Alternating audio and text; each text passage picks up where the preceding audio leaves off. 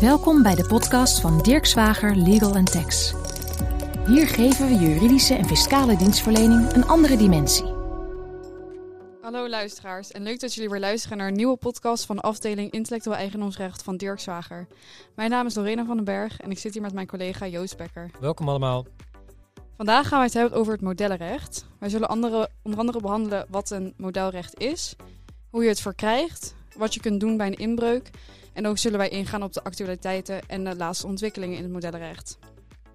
Om te beginnen, wat is het modelrecht? Ja, het modellenrecht ehm, is een interessant en actueel thema, omdat het modellenrecht op dit moment uh, wordt, uh, wordt gewijzigd. Er komen een aantal aanpassingen in uh, de Europese modellenregelgeving. Mm -hmm.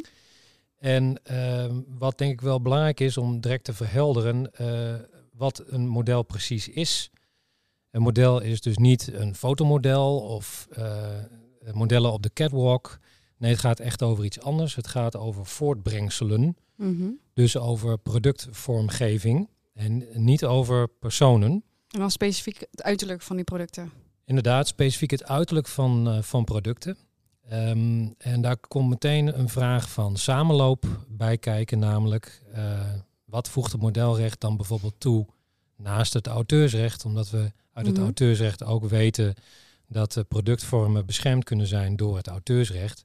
Ja. Maar het belangrijke verschil tussen een auteursrecht en een modelrecht is bij een model, uh, daar is al sprake van zodra iets nieuw is en een eigen karakter heeft. Mm -hmm. En uh, die hoeft niet de drempel over van het auteursrecht, uh, waarbij het auteursrecht wel als vereiste kent dat iets ja, het resultaat moet zijn van vrije en creatieve keuzes. Hè. Dus er moet echt, ja. echt, een, het moet echt een ontwerp zijn, een origineel of een oorspronkelijk ontwerp uh, moet, er, moet er sprake zijn van een auteursrecht. En bij een model is slechts tussen Mhm. aanhalingstekens de lat dat het voortbrengsel uh, nieuw is en een eigen karakter kent. Zou je dan kunnen zeggen dat modelrecht makkelijker is dan te, te verkrijgen dan auteursrecht, of juist niet? Ja, dat is zeker makkelijker. omdat je dus aan een lagere drempel moet voldoen. Mhm. Mm -hmm. En ter verduidelijking dan nog verder uh, het auteursrecht, daar, daar, hoef je niets voor te registreren. Bij modellenrecht wel, daar zullen we zo nog wat over zeggen. Mm -hmm. Maar ook het modellenrecht kent een variant waarbij je een beroep kunt doen op een model zonder dat je het geregistreerd hebt. Ben je al tegen namaak beschermd. Okay. Dus ook daar is de lat ja. niet heel hoog. Maar misschien is het goed om direct naar die vereisten te kijken. Ja, ja ik wil net zeggen, want jij had het over nieuwheid en eigen karakter. Ik Ja. ben wel benieuwd wat dat dan inhoudt. Nou, nieuw wil eigenlijk zeggen uh, dat een model. Uh, hè, er mag niet een model zijn geweest uh, wat, er, al- wat eerder is of wat er al op, op leek. Mhm. Stel je voor dat je het hebt over speelgoed, wat heel goed door modellenrecht beschermd kan worden. Maar hetzelfde geldt voor alle handen, andere gebruiksvoorwerpen. Denk aan uh, dingen die je in de bouwmarkt hebt hangen of uh, bij de blokker of uh, nou, andere consumentenproducten. Mhm. Uh, scheerapparaat, lady shave, um, Ja. van alles nog wat. Maar ook dingen die je in de openbare ruimte ziet. Hè? Dus denk aan uh, speeltoestellen voor, voor kinderen in de speeltuin. En, um, en andere gebruiksvoorwerpen, die kunnen allemaal door het modellenrecht uh, beschermd zijn. Mhm.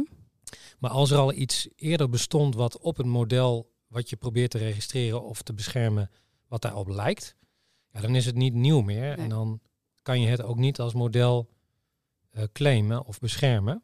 Nog als ongeregistreerd model, nog als geregistreerd model. Dus dat is echt een absoluut vereiste. Ja. Voldoe je daar niet aan, ja, dan ben je weg en dan kun je Mhm. geen modellenrecht uh, claimen. Ja, want jij had het net ook over speelgoed.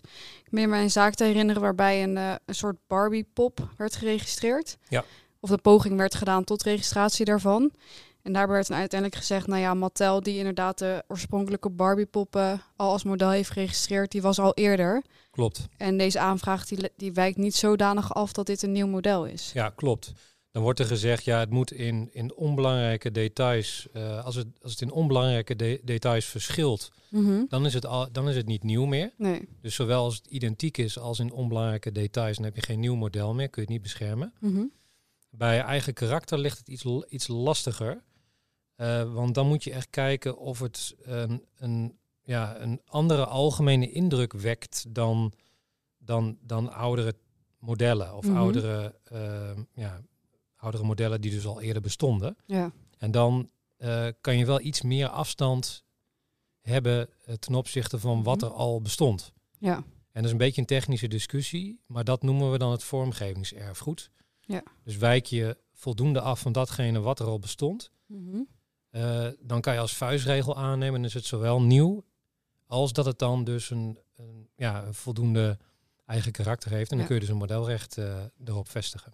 En bij die algemene indruk wordt dan ook gekeken naar de vrijheid die de ontwerper heeft bij het eh, Ja. maken van het model. Zeker, Ehm, want sommige modellen, ik heb bijvoorbeeld zelf een keer een zaak eh, behandeld over kledingstukken. Mhm. Eh, in een bijzonder BH's. En daarvan werd gezegd, ja, de, ehm, de, de vormgevingsvrijheid die is daarin beperkt. Hè. Je kan slechts op hele beperkte onderdelen kun je afwijken van de standaard, dus Ja. wat er al bestond. Maar dat is lang niet altijd zo. Soms heb je heel veel eh, ontwerpvrijheid. Mhm. En dan zul je dus ook meer moeten afwijken van wat er al bestond. En dus vice versa. Als je weinig ontwerpvrijheid hebt, dan heb je mogelijk al sneller modelrecht als je Mhm. op kleinere punten afwijkt. Ja, ik denk ook zeker dat je bij gebruiksvoorwerpen wat minder vrijheid zal hebben, omdat er bepaalde standaarden zijn waar een bepaald product aan moet voldoen, zoals de BH. Ja, je moet je armen Precies. er doorheen kunnen doen, of het is een strapless BH. Het moet ergens Ja. vast kunnen gemaakt worden. Dus dat zijn allemaal dingen waar dan eh, minder vrijheid bij is. Dat gezegd hebbende, voor, voor BH's dan in dit voorbeeld, eh, daar, die halen volgens sommige uitspraken ook zelfs de lat van het auteursrecht. Dus stel je voor Mhm. dat je om wat voor reden dan ook geen modelrecht hebt of hebt geregistreerd of je bent dat vergeten, Mhm. dan kun je natuurlijk al, alsnog een beroep doen op het auteursrecht. Ja, En overigens ook op het leerstuk van slaafse nabootsing. ja. Eh, maar daar gaan we een volgende keer op in. Ja. Ja, en je zegt net van, joh, als je hem niet hebt geregistreerd als model, dan kan je dan wellicht een beroep het auteursrecht. Ehm, maar wat dan ook een groei is, waar je het net al even aanstipte, een niet geregistreerd modelrecht. Ja, dat is wel een beetje vreemde eend in de bijt. En ook daar moet je, net als bij veel juridische leerstukken, goed letten op de timing. Mhm. Je kunt alleen maar een niet geregistreerd model claimen als zodanig binnen drie jaar nadat je voor het eerst eh, de, nou, de vormgeving of, of het object of eh, het voortbrengsel, zoals je dat dan noemt, Ja. eh, hebt openbaar gemaakt. En dat is Mhm. vaak, hè, de, de- als je bijvoorbeeld met een productlancering zit, is dat dan de datum. Ja. Eh, en dat heeft een reden, namelijk dat in de kledingindustrie eh, er kortcyclisch wordt gewerkt. Eh, dus je hebt eh, eh, voorjaar, najaarcollectie, zomer, wintercollectie. En dat wisselt heel snel. Bovendien, eh, mode, stijl of trend eh, wisselt heel snel. En nu zijn de 90s weer helemaal in. Ja. Maar wat Mhm. is het over twee jaar? Dat, dat weten we niet. En eh, juist om dat soort industrieën waarbij vormgeving snel wisselt, Mhm. waarbij je ook vaak wat kleinere aanpassingen hebt. Je bent toch Ja. gebonden bij een broek aan twee pijpen en een, en een boordriem, et cetera. Mhm. Om toch eh, dat via het niet geregistreerde modellenrecht te kunnen beschermen. Er is nog een tweede belangrijke beperking. En dat is dat eh, dat niet geregistreerde model alleen maar beschermt tegen namaak. Dus echte Identieke namaak. producten echt. Dus identieke producten. Dus tegen de piraterij aan. Mhm. Eh, Denk aan nou, de nep Rolexen of de andere piraterijgoederen. Dus Ja. in die sferen zit je dan. En het heeft nog een andere reden. En dat, zo komen we vanzelf bij het geregistreerde model. Een niet geregistreerd model is gratis. Hè. Je Ja. krijgt het zodra je het product hebt openbaar gemaakt, dan plus drie jaar. Mhm. Maar een geregistreerd model, dan moet je voor betalen. En bovendien kan je dan ook in de fuik lopen van je eigen eerdere openbaarmaking. Wat bedoel ik daarmee? Stel je voor dat je het product op de markt zet. Vervolgens wacht je. Dat zou Mhm. dan voor je eigen eh, te ondernemen modelregistratie schadelijk zijn voor de nieuwheid. Want dan heb je dat ding immers zelf al op de markt gebracht. Mhm. En vervolgens zou je dan willen gaan registreren en dan zou je door je eigen nieuwheid eh, slachtoffer van worden. En daarvan heeft de wetgever gezegd dat willen we niet. Dus we geven de ondernemer één jaar om dan een model te registreren. En dan kan je dus nog alsnog na één jaar nadat je het product op de markt hebt gebracht, kun je overgaan tot een modelregistratie. En, dat is wel, en daar zitten kosten aan verbonden. Mhm. En op zich voor de kledingindustrie, stel ehm, ze hebben een, een kledingstuk ontwikkeld. Want normaal, de kledingindustrie, wat jij al zei, dat werkt eigenlijk voornamelijk of op het auteursrecht of op de niet geregistreerde modellen. Ja. Zeker omdat ze kort in de winkel liggen en het dus geld kost om te registreren. Ja. Maar stel, zij komen er gaandeweg achter dat een product nou ja, echt een bestseller wordt. Dan kunnen ze er dus binnen dat jaar nog voor beslissen om te zeggen, nou ja, dit model dit blijft in onze collectie zitten. Dus hier gaan we alsnog gewoon een, eh, een modelrecht op vestigen. Klopt. En eh, dat is ook een bijkomend voordeel. Dus de wetgever heeft er heel praktisch, eigenlijk is die daarmee omgesprongen. Mhm. En misschien meteen een stapje naar, eh, naar het onderwerp van de modernisering, waar we in de inleiding Mhm. het over hadden. Ja. Want de Europese wetgever heeft ook gezien wat er nu ehm, allemaal gebeurt op het gebied van, ehm, eh, van het internet. Mhm. En met name eh, de digitale goederen, waar al een tijdje discussie over is. Van Ja. wat is dat nou precies, juridisch gezien, en hoe moet je dat kwalificeren? En dan heb je het ook over de, de metaverse en de digitale producten die zich daarin bevinden. Ja, klopt. Eh, en de Europese wetgever die stelt nu eigenlijk voor, laten we dan de definitie van wat een model is, Mhm. ook in het kader van de rechtszekerheid, aanpassen. Zodat eh, onder het begrip model voortaan ook modellen in digitale vorm Ja. vallen. Ja, want wat ik nu zie in de wet is een uiter- het model is dan een uiterlijk van een voortbrengsel. Eh, dat wordt afgeleid uit de kenmerken van met name de lijnen, de omtrek, de kleuren, de vorm, de textuur of materialen van het voortbrengsel zelf of de versiering ervan. Ja, dus dat is echt 2D, hè? Ja. Eh, niet zozeer 3D en al helemaal niet bewegende vormen. En ook dus- helemaal niet digitaal. Precies. En dat wordt dus aangepast, eh, waardoor je dus nou ja, voor één voortbrengsel het zowel in fysieke vorm eigenlijk kunt beschermen, Mhm. als, als dat op digitale wijze tot uiting wordt gebracht. Dan kan je het dus ook als een model beschermen. Dus dat is wel een welkome aanvulling eh, van Ja. de wetgeving. Waarbij eh degene die zich van modellen bedienen, en dat zijn er denk ik meer, meer ondernemers dan, dan zij zich het realiseren. Mhm. Zodra je al ja, tastbare voortbrengselen maakt, kun je al met het modellenrecht in aanmer- aanmerking, kun je al voor het modellenrecht in aanmerking komen. En valt het, valt het eh, zeker te overwegen, omdat die drempel dus vrij laag is om Mhm. te gaan voor een modelregistratie. Ja. Of in ieder geval ervan op de hoogte te zijn dat er sprake is van iets eh, dat het niet geregistreerde modelrecht eh, heet, waardoor je, waarvoor je Mhm. bescherming kunt krijgen.